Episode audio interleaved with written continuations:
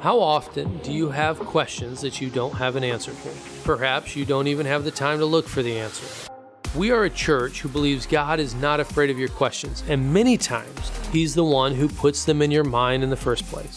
This podcast, like our church, is designed to help answer those questions, hear the perspectives of others, and create a space in which we can live, move, and be together. We look forward to sharing our perspectives and trying to answer some bothering questions.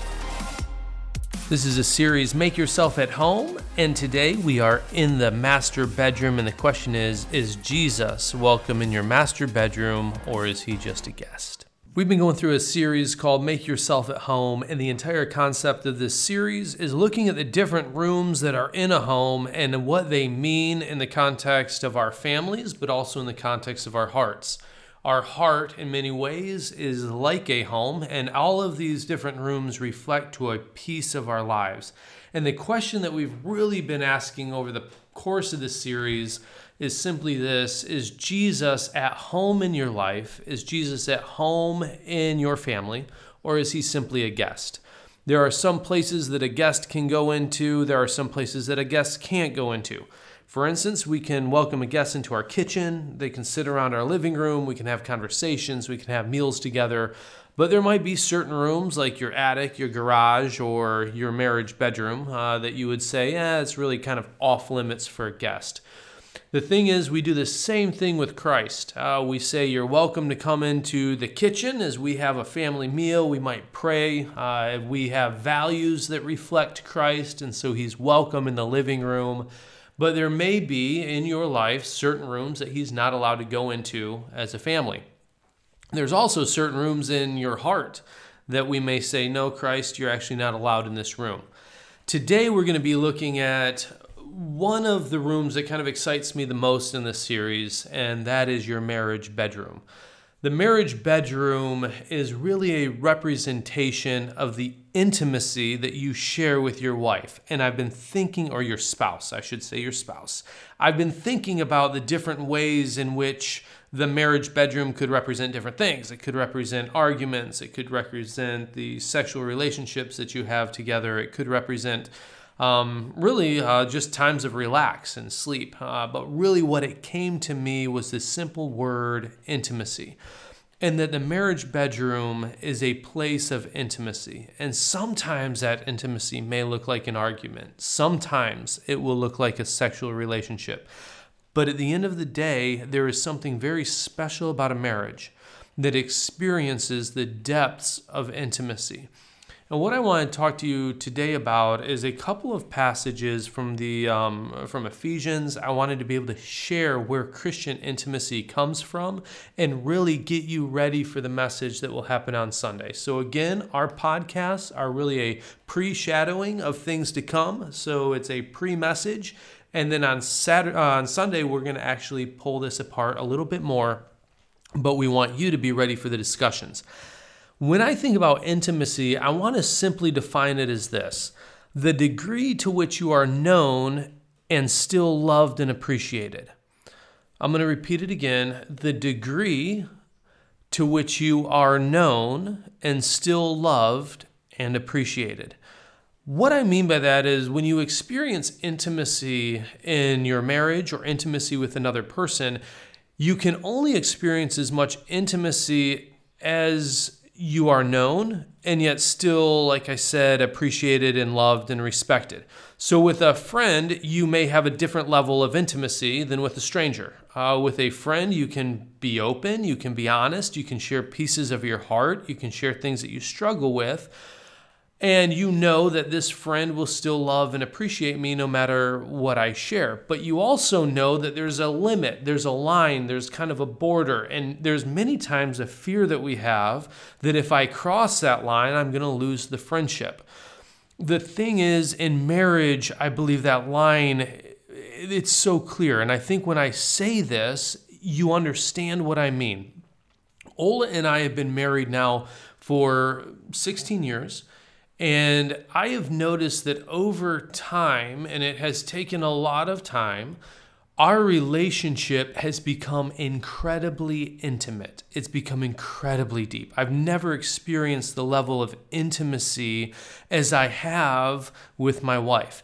And she would say the exact same thing to me. We have come to a point where we can share all of our fears, we can share our heart, we can share our struggles we can actually appreciate and share these things knowing that the other person isn't going to judge us, they're not going to walk away, they're not going to be disappointed, but that we will still be loved and appreciated. Without getting too personal, I see this in the context of just the degree to which we have become comfortable with each other in our conversations, in our arguments, and in our sexual lives. These things have become what I would define as intimate moments in our life where we can truly be ourselves, where we can truly be known and yet still be loved and appreciated. The thing that separates the Christian marriage from any other marriage relationship is that we go to Jesus as our example in everything. And the very core element of the Christian faith is our belief in the gospel. This is the fact that Jesus, knowing everything about us, knowing the sinfulness of our hearts, knowing how many times we were going to hurt and reject him, was willing to give his life for us because of his love and appreciation for who we are. The Christian life is a continual progression of experiencing this intimacy with Christ. What I mean by that is that we are constantly learning that in our relationship with Christ, no matter how much we reveal, no matter how many times we disappoint, no matter how many times or what we think about ourselves, we know that Christ still loves and appreciates us. Your spiritual growth is simply a reflection of your intimate relationship with Christ.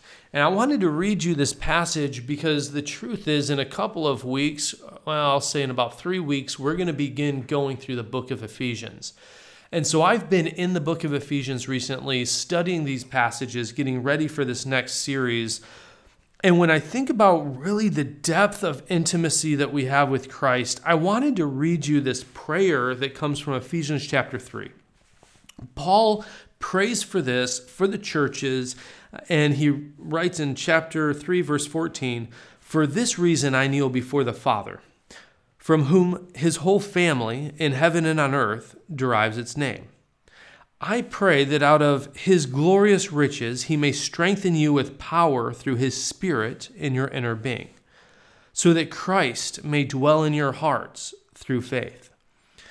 And I pray that you will be rooted and established in love, that you would have the power, together with all of the saints, to grasp how wide and how long and high and deep is the love of Christ and to know this love that surpasses knowledge, that you may be filled to the full measure of all the fullness of God.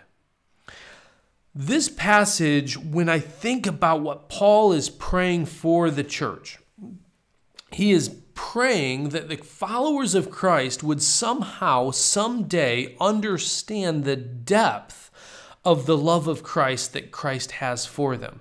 To literally be lost in the dimensions of God's love, that they would know that no matter how far down they go, they're still followed, they're still pursued, they are still surrounded by God's love. No matter how high they go, they will still be surrounded by God's love. It doesn't matter how deep, how high, how long, or how wide, you cannot outrun God's love for you. You are literally lost in a sea of God's love.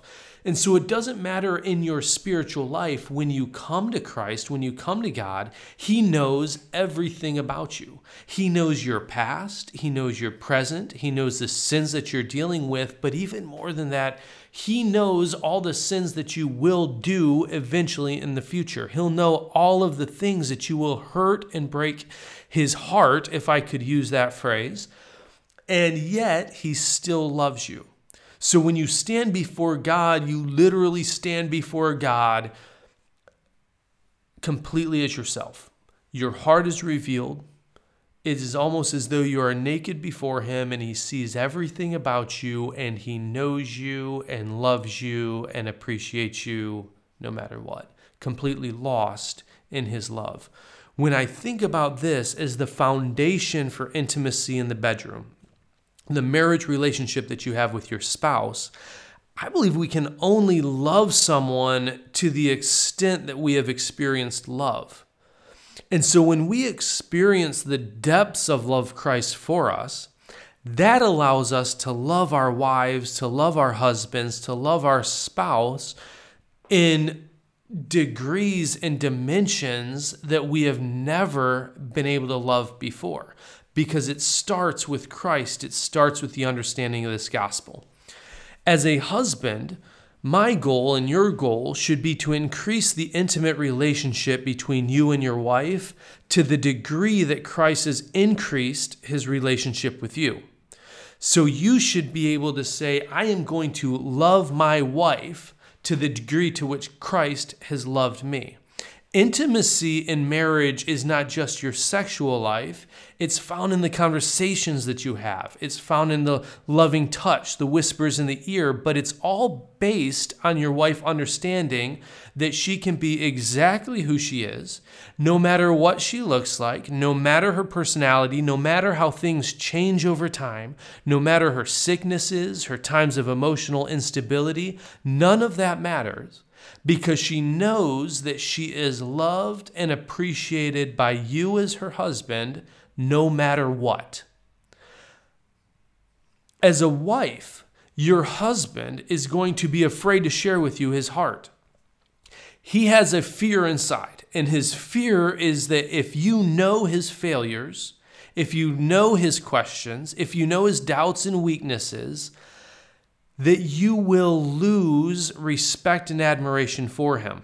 And it's this fear that will prevent him from being open and honest with you. What he desires from you most is that you will always look at him with admiration and respect. And the fear that he has inside is if I'm truly known, then my wife won't look at me with that admiration. She won't look at me with that respect. Intimacy in your marriage as a wife is to give your husband the confidence to be able to share with you anything in his heart no matter who he is, no matter what he looks like, no matter what he does, no matter what his thoughts and doubts are, and that he can know no matter what I share, she will always look at me with respect and admiration. She will always know me. Now, that is only going to be found in the context of us understanding the gospel. Because I truly believe that if you don't understand the depths to which Christ has loved you, to the depths of which he knows your heart, and that he still loves you, then I don't believe we could actually share that with someone else. So, how do you develop this kind of intimacy? I'm going to give you a simple equation, very basic, basic math. How do you develop intimacy? I would say it is time plus trust equals intimacy. Time plus trust. For Ola and I, 16 years, we were not at this level of intimacy at year five. We were not at this level of intimacy year two, year seven, didn't matter. All of this is a progression. And it shows that over time, she has revealed pieces of her heart, pieces of her soul. We have watched each other go through the highs and the lows of life. We have seen each other in and out of depressions. We have been there in the most difficult, challenging times. And yet we have still loved each other and appreciated each other for who we are. And I truly believe that that's what created intimacy in mine and Ola's life. It has been time and trust. You have to give it time and you will have to risk sharing things in your life, opening up your heart, and seeing how it's respe- uh, reciprocated. How does your spouse respond? Those are the things that are going to create intimacy in your marriage on Sunday, what I want to do is not just share a little bit of this in a little deeper detail, but I want to give you some intimacy killers, the things that will actually destroy intimacy within your marriage and how you can avoid them. So I look forward to seeing you on Sunday. Understand that this podcast is simply preparing you for the discussions. So, what I'd like you to do is begin over the next few days just thinking and praying God, what did I hear? What does that mean for me? And then how can I share that around the tables at church? We look forward to seeing you. Blessings. Have a great week. We'll see you this Sunday at 9:30 at Społeczna Chrześcijańska. Thank you for listening and wrestling with this week's question. Hopefully, you're now asking more questions than you did at the beginning. As always, if you loved it, then like it, subscribe, share it with others. Check us online at schvilano.pl. We would love to have you join us on Sunday mornings at 9:30 to go deeper with this question and to share your own perspectives. So live, move, and be, and never stop sharing your bothering questions.